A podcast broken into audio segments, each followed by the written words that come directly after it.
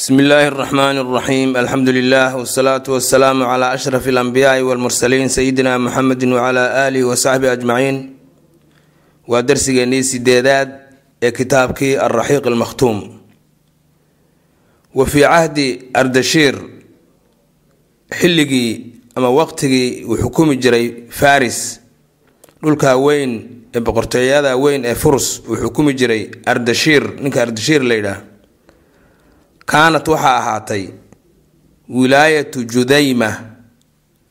Ninka judayme la yidhaahdo madaxnimadiisii judaymihii alwadaax loo yiqiinay cala alxiirati dhulka xiiro la yidhaahdo uu waaliga ama badhasaabka ka ahaa ama xukumay. Iyo wasaa'ira man dad dhammaanti dadkaasoo ku nool bibaadiyati alciraaq ciraaq baadihiisa ku nool oo dhan ninkaasaa xukumay judaamat alwadaax la dhihi jiray. Iyo waljasiirata iyo jasiiradaba jasiira alcarabiya wixii maaragtay soo xiga xagga ciraaq oo min rabiicata wa mudar labada qabiil ee waaweyn ee rabiiciya mudara. Wa ka-ana waaba iyada oo ardashiir ninka ardashiir la yidhaahday ra'a uu arkay. Ra'a uu arkay uu ku qancay annahu isagu yastaxiilu marnaba suurtagal inaysan u ahayn calayhi isaga an yaxkuma alcaraba carabta inuu xukumo mubaasharatan si toos ah inuu xukumo. Oo wayamnacahum uu ka horjoogsado uu ka celiyo min al iqaarati inay soo weeraraan calaa tukhuumi mulkihi boqortooyadiisa xuduudeeda iyo daafaheeda inay soo weeraraan inuu ka celiyo. Inayna suurtagal u ahayn inuu ku qancay ayaad moodaa? Ilaa hase ahaatee?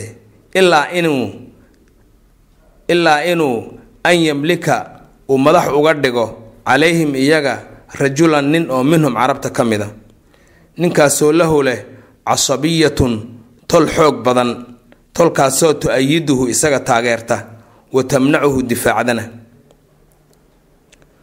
Wa min jihatin ukhraa dhinaca kale haddaan ka fiirinana yumakinuhu u suurtageliya al isticaanatu bihim inuu u kaalmaysto iyaga calaa muluuki ruumaani boqoradii reer rooma.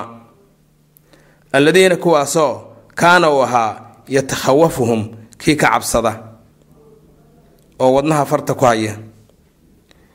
Iyo waliyakuuna inuu ahaado carabulciraaqi carabta reer ciraaq amaama carabi shaam carabta reer shaam in layska horgeeyo. Alladiina carabtaa shaam oo istanacahum uu samaystay. Istanacahum uu samaystay. Oo uu sasabtay. Istanacahum ay samaysteen muluuku ruumaani boqoradii reer rooma. Yaa samaystay oo askar ka dhigtay oo xulafo ka dhigtay oo niman dabadhilif iyaga u difaaca ka dhigtay. Marka kuwaas ay ruumaanku soo ay ku soo shaqaysanayaan ee xuduudoodana u ilaalinaya dhulka iyagu xukmaan xuduudiisana u ilaalinaya oo shaam iyo masar iyo intii ka shishaysaba ah kuwa oo kale inay furuskuna ka samaystaan bay goosteen gaar ahaan ninka boqorka ardashiir la dhihi jiray oo carabta ciraaq iyo baadiyaha iyo waxaa la jasiira carabiya carabta degan oo dhan inuu askar iyo niman isaga dabadhilif u ah oo isagu samaystay inuu ka dhigo oo xuduudana u ilaaliya carabtaas reer shaam ee roomaanka u shaqeeyana ay ka hortagaan wa kaana wuxuu ahaa yubqii kii mar walba maaragtay ku haya cinda meliki alxiira. Dhulka xiiro la yidhaahda ee ciraaq ka mida ninka boqorka beenbeenta ee carabta u magacaabay. Waxaa mar walba la joogi jiray oo agtiisa maaragtay deganaa katiibatun. Maxaan ku idhaahdaa urur ciidan ah oo min junuudi lfurus ciidamadii reer furus ah. Muxuu saa u yeelayay? Liyastaciina boqorkaas raacsan ee dabadhilifka u ah ee furuska. Dabadhilifka su u kaalmaysto bihaa ciidankan. Furuska ehe jooga meesha. Furuska ehe jooga meesha inuu kaalmaysto. Cala alkhaarijiina kuwa ku fallaagooba calaa sultaanihi xukunkiisa iyo awoodiisa ciddii ku fallaagowda oo min carabi albaadiyati carabta reer miyiga ah. Marka labada dhinacba carabta waxaa laga dhigtay dad dabadhilifahoo iyaga lagu shaqaysto oo xuduuddana u ilaaliya. Isla markaana laga horgeeyo haddii la dagaalamayana la soo la soo kaxaysto waa siduu isticmaarku yeeli jiray. Waa isku dhaqan mar walba isticmaarku wa kaana wuxuu ahaa mowtu judayma alwadaax ninka la yidhaha geeridiisu waxay ahayd xawaalay sanata mi-ateyn wa thamaaniya wa sittiin. Sanadku markuu ahaa laba boqol iyo sideed iyo lixdan markaasuu geeriyooday. Wa bacda mowti judayma. Judayma markuu geeriyooday kadib ama geeridiisa kadib waliya alxiirata dhulkaa xiiro la yidhaahda ee ciraaq ahee xuduudda la lahaa dowladdii weyneed ee reer furus waxaa gobernatoore ka noqday ama badhasaab ka noqday iyo wal ambaar iyo dhulka ambaar la yidhaahda ee hadda la yaqaano ee faluuji ay ka mid yihiin nin la dhihi jiray camr ibnu cadiy ibnu nasri lakhami oo qabiil reer lakham la yidhaha ka dhashay. Waxaan u xukumay laga bilaabo laba boqol ilaa sideed iyo lixdankii ilaa laga gaadhaya laba boqol sideed iyo siddeetankii. Wa huwa ninka camr ibni cadiy la yidhaahdo awalu muluuki lakhamiyiina qoyska ama qabiilka reer lakham la yidhaahdo boqoradoodii kii ugu horreeyey weeye wa awalu man kii ugu horreeyey qofkii ugu horreeyey weeye kaasoo itakhada ka dhigta alxiirata gobolka xiiro la yidhaahdana la yidhaahdana maqaran lahu saldhigiisa ka dhigtay wa kaana waxa ayna ahayd waqtigaasi fii cahdi kisraa kisra waqtigiisii kisrihii la dhihi jiray saabuur ibnu ardashiir waqtigiisii bay ahayd. Markaa ninka camri oo la khami ihi uu gubernatooraha ama badhasaabka uu ka ahaa dhulkaas xiiro loo yaqaano xiirana uu ka dhigtay saldhigiisii uma markaa kadib lam yazal iskama ay bedelin. Saasaan iska dhihi karnaa kama zuulin ama iskamaba ayna bedelin. Oo waxba kama bedelin. Almuluuku boqoradu oo min allakhamiyiina qoyska ama qabiilka reer lakham ka mid ihi min bacdihi isaga dabadi camar markuu dhintay yatawallowna inay badhasaab ka noqdaan oo ay madax ka noqdaan alxiirata meesha xiiro la yidhaahdo. Xataa intii weliyal furusa furus uu madax uga noqday boqor uga noqday nin la yidhaahdo qubaad ibnu fayruus. Sanadku markuu ahaa afar boqol sideed iyo afartan ilaa shan boqol iyo koob iyo toddoba koob iyo soddon intaasuu ninkaasi xukumi jiray qubaad ibnu fayruus la yidhaahdo. Wa fii cahdihi isaga xilligiisii ninkan qubaad ibnu fayrus la yidhaahdo xilligiisii yaa dahara waxaa soo ifbaxay masdag nin la dhihi jiray. Wa qaama wuxuu isu taagay ninkaa masdag la yidhaahdo bidacwati dadka in loogu yeedho ilal ibaaxiyati in la isku faraxasho sidii xoolaha oo kale sida xooluhu ay u dhaqmaan oo kale in loo dhaqmo oo waxba aan la guursanin oo ninba maaragtay naagtuu arko uu sidii xoolihii isaga fuulo. Dacwo sidaas ah ayuu dadka ugu yeedhay ibaaxiyataasaa la yidhaha meeshaan xishoodku uusan jirin. Fa tabicahu waxaa raacay hu masdagii waxaa arrintaa ku raacay qubaad oo boqorkii weynaa ee reer furusa ayaa arrintii ku raacay oo madhabkii qaatay madhabka foosha xun ee ibaaxiyada la yidhaahdo. Kamaa sidii tabicahu uu ugu raacay madhabka isaga ah ee foosha xun kathiirun in badan oo min raciyatihi shacbigiisii iyo dadku isagu xukumay oo reer furus ka mid a. Intaa kuma ekaysanine uma markaa kadib arsala wuxuu diray uu fariin u diray qubaad ninka la yidhaahdo oo faafinaya madhabkii masdeg ee ibaaxiga ahaa ee xishood darrida ahaa ee inaan waxba la isguursanine sidii xoolihii uun laysu abaahiyo. Madhabkaa watay yaa wuxuu fariin u diray ilaa meliki alxiira dhulkaas ciraaq ee xuduudda lale iiraan xuduudda la lahaa ninkii madaxda ka ahaa ayuu fariin u diray. Ninkaasi kumuu ahaa wahuwa ninkaasi almundir ibnu maa samaa nin la dhihi jira weeye. Mundirkii maaragtay ibnu maa samaa cirka biyihiisu ay dhaleen. Laqab unbay iska ahayd iyo naanays. Taariikhduna waa goorma waa sanadku markuu ahaa shan boqol iyo labiyo tobankii ilaa shan boqol afar iyo kontonkii yuu ninkaasi xukumay muddo dheer ayuu xukumayay mundir ibnu maa usamaa marka fariin baa loo diray fariintu maxay tahay nuxurkeedu yadcuuhu wuxuu ugu yeedhayay ila ikhtiyaari hada almadhabi madhabkan isaga alkhabiidi ee foosha xun inuu kan qaato. Kan ha la qaato ayuu yihi madhabkaas. Guur wax la yidhaahda iyo xishood iyo ma jiree dadka ha la isku sii daayo. Fa abaa calayhi arrintaa iyada uu ka diiday oo uu ku gacan saydhay xamiyatan ficilo daraaddeed oo ku jirta waa nin carab oo sharaf rumaysan ah iyo wa anafatan iyo santaag uu arrintaa ka santaagay foosha xun.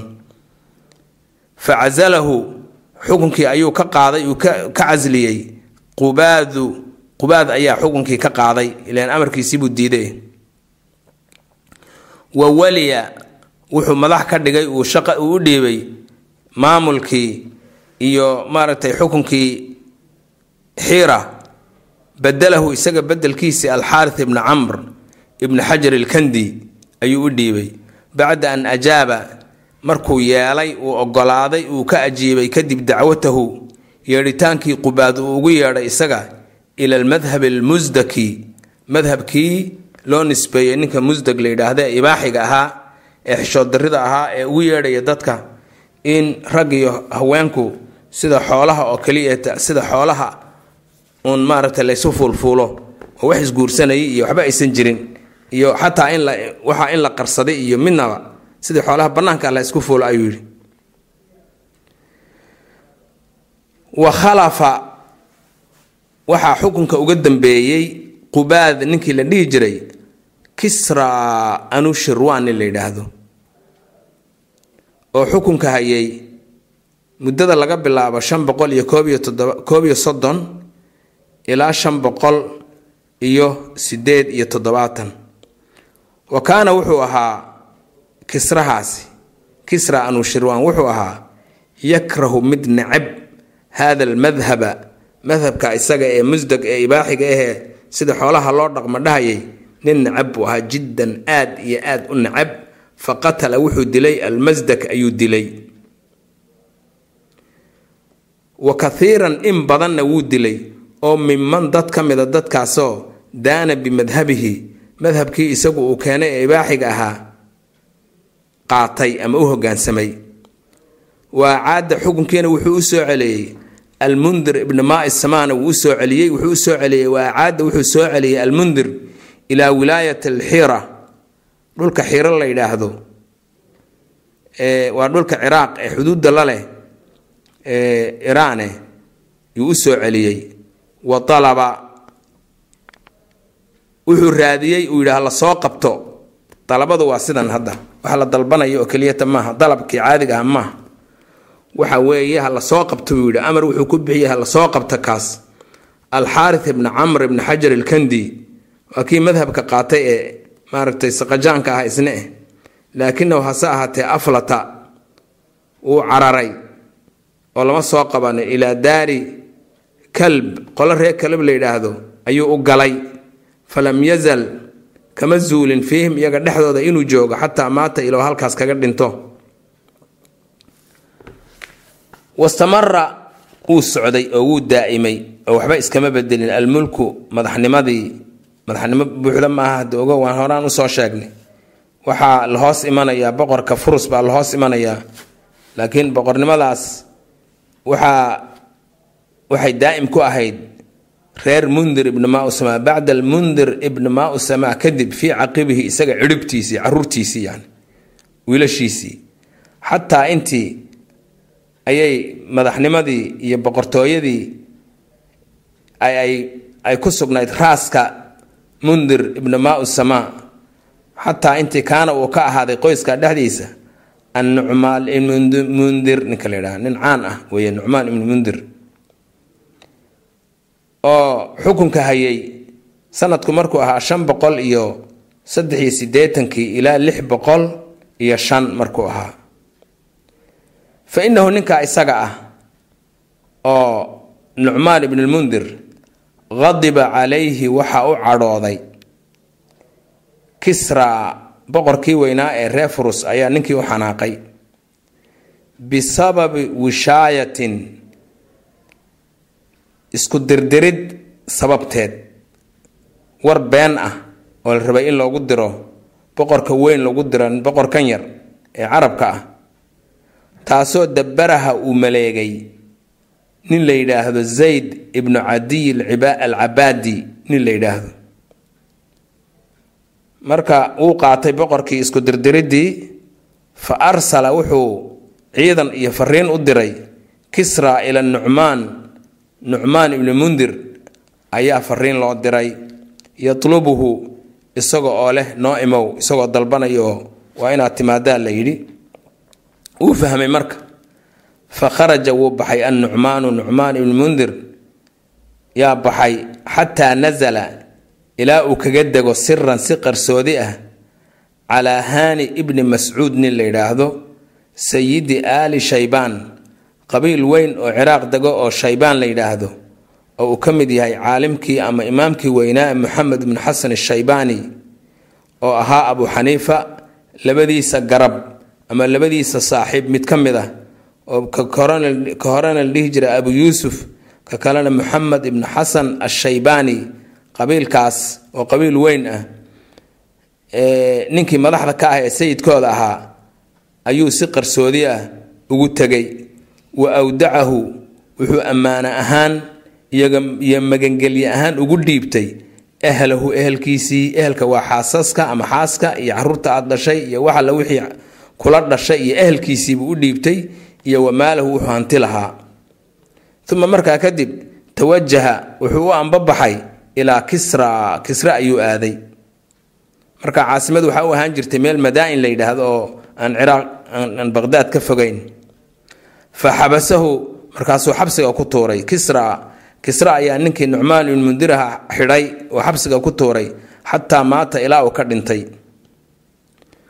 Wa waliya wuxuu madax uga dhigay cala alxiirati dhulka xiiro la yidhaahna badelahu nucmaan ibn mundir bedelkiisii iyaas nin la yidhaahdo.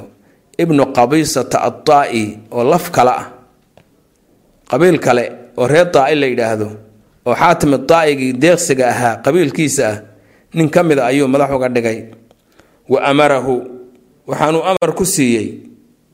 Yacni boqorkii kisrihi baa amar wuxuu ku siinayaa ninkan hadda uu madaxda ka dhigay uu xiiro madaxda uga dhigay iyaas la yidhaahdo ibnu qabiise eh wuxuu ku amray an yursila ilaa haani bni mascuud. Ninka haani ibni mascuud la yidhaahdo ee sayidi aali shaybaan qabiilka reer aali shaybaan la yidhaahdo odaygooda ah inuu ciidan u diro. Yatlubu minhu isaga oo ka dalbanaya tasliima maa shay inuu soo gudbiyo uu soo gacangeliyo cindahu isaga agtiisa ahaaday. Yacni waa ammaanadii u dhiibtay. Annucmaan ibni mundir uu dhiibtay oo ahaa ehelkiisa iyo maalkiisa kuwaana waa la rabaaye keen baa waxaa yaa lagu yidhi fa abaa wuu diiday. Ninkii haani bin mascuud ahaa daalika arrinta ah haani baa diiday xamiyatan ficilo daraaddi sharaftiisa oo meel looga dhacay. Wa aadana wuxuu ugu yeedhay u caddaystay. Aadaankii un wey mogtay aadaanku waa iclaam caddayn wax la caddaynaya innaga hadda waxaan idhahnaa dagaal baa la kala saxiixday. Waxba lama kala saxiixdee aan dagaalana waxba lama saxiixo. Laakiin waa la caddaystaa uun wa aadana wuxuu u caddaystay almeliku boqorkii weynaa oo reer furus bilxarbi dagaal. Oo yuu la dagaalamayaa ree ali shaybaan buu la dagaalamay. Ilaan waxay diideen amarkiisii. Walam yalbath arrintu maba sii nagnagaanin an jaa-athu inay u timaado hani bin mascuud inay soo gaadho. Maraasibatu kisra kisra ilaaladiisii ciidamada caaradooda hore iyo hordhacoodu inay soo gaadhaan wa kataa'ibuhu iyo maxaanku idhaahdaa batalyanadiisii iyo ururadiisii kala dunaa oo fii mowkibi iyaas ninkii hadda la magacaabay ee iyaasa la socda ciidankiisa ka mid ah. Wadaarad waxaa dhex martay bayna alfariiqayni labada qolo waxaa dhex martay macrakatun dagaal baa dhex maray haa-ilatun oo weyn oo dad badani ku dhinteen cinda diiqaar meesha diiqaar la yidhaahda agteeda ayuu dagaalkaasi ka dhacay. Dagaalkaasoo intasara uu ku guulaystay uu ku gacan sarreeyey. Fiiha dagaalka iyada banu shaybaan reer banu shaybaan baa waxay jebiyeen. Furuskii ciidamadii furus ee la soo diray iyo kuwii la socday ee daa'iyiintii iyo qabaa'iladii kale ee carabta ah meeshaas ayay ku jebiyeen. Wanhasamat ilfurus furus way jabtay. Hasiimatan jab nakraa oo foolxun wahaadaa kaasi awalu yowmin waa maalintii ugu horreysay maalintaasoo intasarat ay guulaysatay ama gacan sarraysay. Fiihi maalintaa iyada ah alcarabu dadka carabtiihi cala alcajami nimankii cajamka aan carabta ahayn ee furuska ay ka guulaysteen.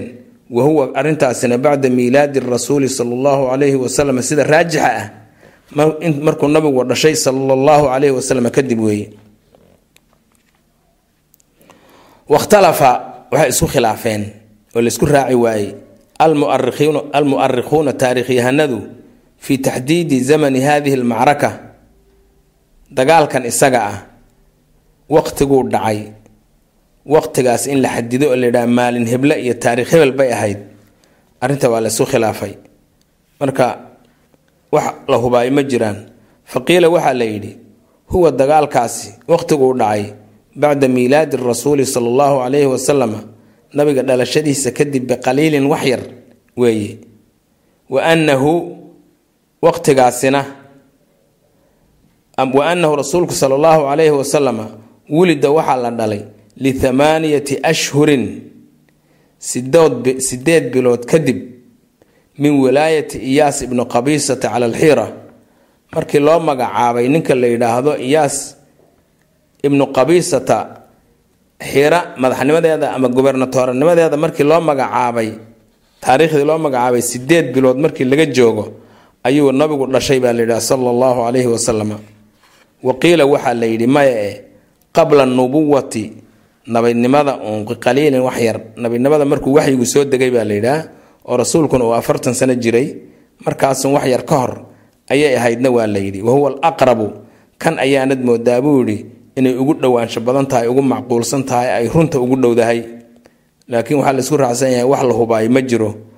Wa qiila may waxaaba la yidhiba bacda anubuwati markuu waxyigu soo degay oo nabiga sala allahu caleyhi wasalama nabadnimadiisa maaragtay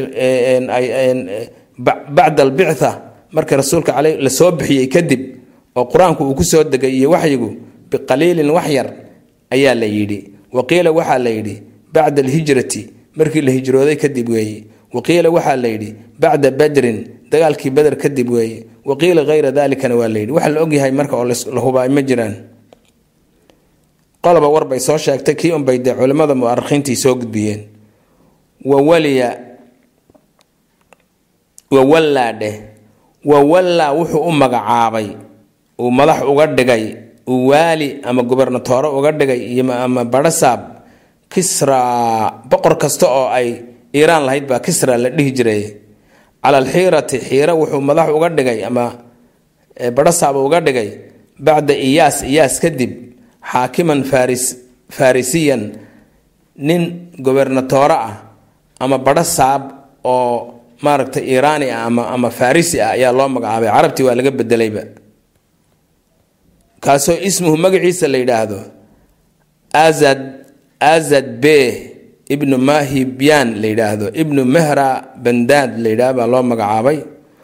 Wadalla wuxuu ahaaday yaxkumu inuu xukumo sabca casharata caaman toddoba iyo toban sano inuu isagu xukumo oo ka bilaabanaysay taariikhdu markay ahayd lix boqol iyo afar iyo toban ilaa lix boqol iyo koob iyo soddon. Uma markaa haddana kadib caada almulku boqortooyadii maaragtay kalayaraha dhantaallaydee kor laga sii xukumay ee hoos tagaysay taweyn maaragtay iiraan ama ama furus wuxuu u soo laabtay ilaa aali lakham. Reer lakham buu u soo laabtay sanata sitmiya itniin wa sanadku markuu ahaa saddex boqol iyo labaiyo soddonkii. Fatawallaa waxaa madax noqday oo minhum lakhamiinta ka mid a almundir ibnu nucmaan in la yidhaahdo almulaqab oo lagu naanaysi jiray bilmacruur lagu magacaabi jiray. Walaakiin hase ahaatee lam tasad kamaba kama siyaadin oo dheeraad kama ahayn kama badnayn kama badanin maba dhaafin wilaayatuhu madaxnimadiisu ninkaas calaa thamaaniyati ashhurin sideed bilood. Yah sideed biloodba madaxnimadiisu ma dhaafin xataa qadima calayhi ilaa uga soo galo khaalid ibnu lwaliid khaalid ibn waliid radi allahu tacaala canhu uga soo galo bicasaakiri lmuslimiina isagoo hogaaminaya ciidamadii muslimiinta isagoo hogaaminaya. Markaasaa la qabsadayba meeshii oo idil. Marka intaasna waxaan ku soo dhammaynaynaa darsigan iyo kii ka horreeya waxaa ku soo dhammaanaya waxaa la yidhaahdaa almulku bilxiira. Ilaan waxaan ka hadlaynaa alxukmu waalimaaratu xukun dowladnimo iyo imaaro iyo oo ay carabtu lahayd intaan nabiga caleyhi salaatu wasalaam la soo bixinin. Marka yamanna waan soo aragnay ma maaragtay kuwa xuduudda la leh iiraanna waan soo aragnay oo almulku bilxiira ah.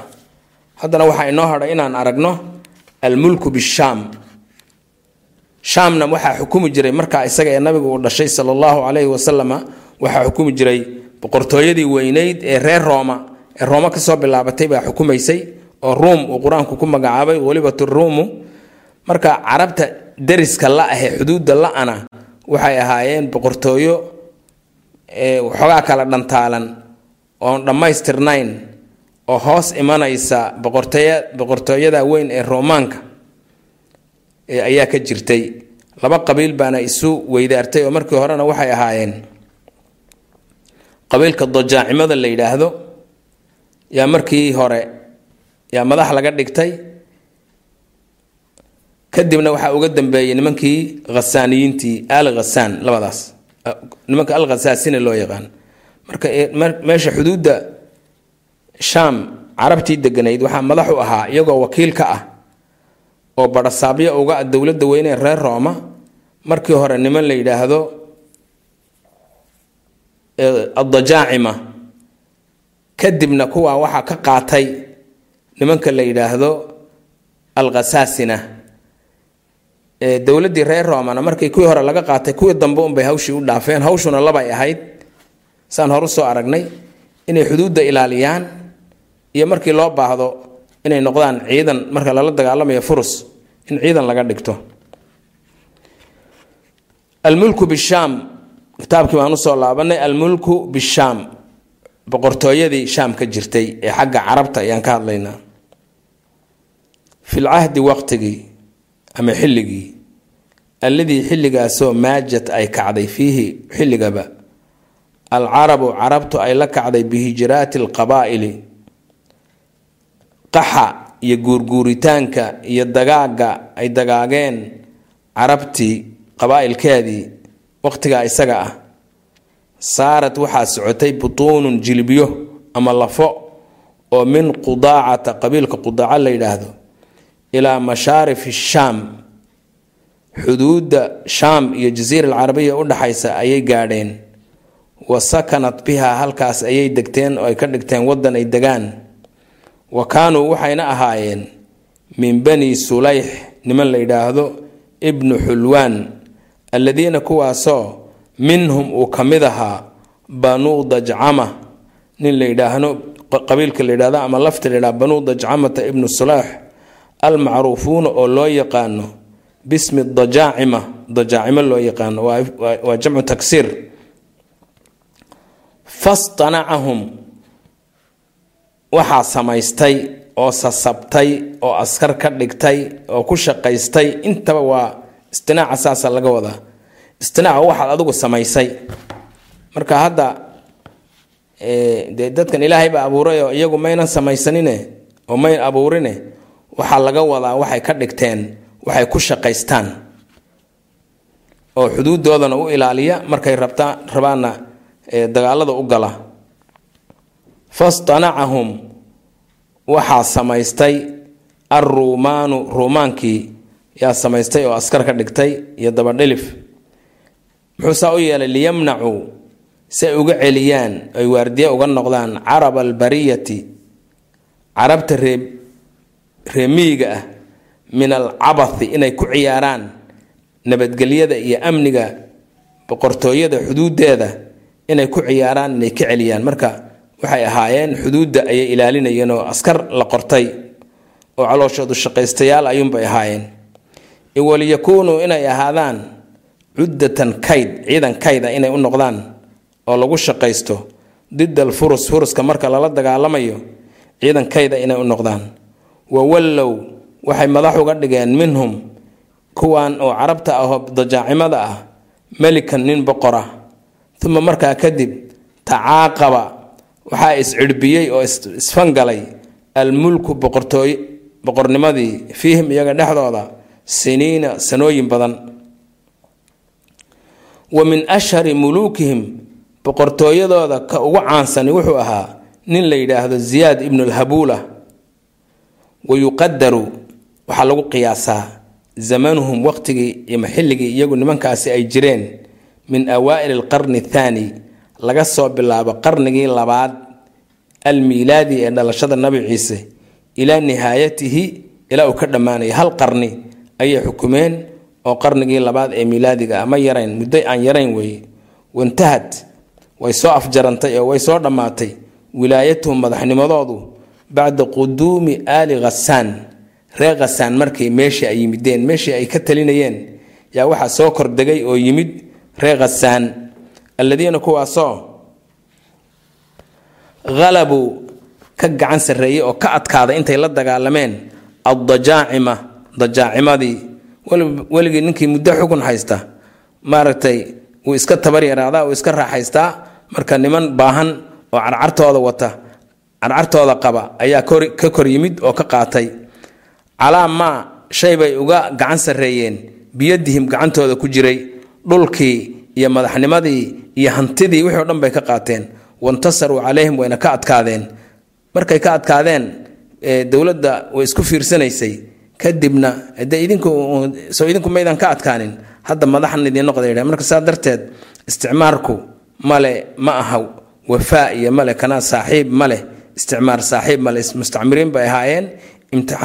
Isticmaarna saaxiib male fa wallathum waxaa nimankii maaragtay dambe ee khasaasinada ah ee qabsaday fa wallathum waxay u magacowday ay madax ka dhigtay alruumu ruumkii yaa muluukan boqoro ayay uga dhigeen calaa carabi shaami carabtii shaam deganayd. Wa kaanad waxay ahayd qaacidatuhum fadhiisinkooda ama meesha caasimada waxay ahayd madiinatu busra magaalada busra la yidhaahdo walam tazal kama zuulin alkhasaasinatu nimankii reer khasaasinatu cala shaami shaam inay madax ka ahayn walam tazal kama zuulin tatawaalaa dheh tatawaalaa inay isu dhiidhiibaan oo madaxnimadeeda isu dhiidhiibaan alkhasaasinatu nimankii reer khasaasina cala shaami shaam madaxnimadooda bisifatihim ahaantoodii cummaalan kuwa shaqaalo ah oo badhasaabyo ah limuluuki ruum boqoradii reer rooma xataa kaanat ilaa ay ka ahaatay waqcatyarmuuk dagaalkii weynaa ee yarmuug uu ka dhacay. Dagaalkii weynaa ee yarmuug ka dhacay waa dhulkan hadda suuriya gaar ahaan meeshan hadda yuhuuddu ay ka haysatee la yidhaahdo golan heights. Meeshaasay ahayd. Golan heights meesha la yidhaahdo oo murtafacaat aljuulaan meeshaasuu dagaalku ka dhacay. Waa taariikh la yaqaano. Ciidamada markaa waxaa hogaaminayay abu cubayda ayaa hogaaminayay waa sannadkii waa xilligii sayidina cumar ibn khadaab uu xukumay muslimiinta iyo macrakatulyarmuug dhacday. Insha allahu tacaala maaragtay hadda ka mid maaha siirada oo waqtigii nabiga ma ahayn waqtigii sayidina cumar bay ahayd.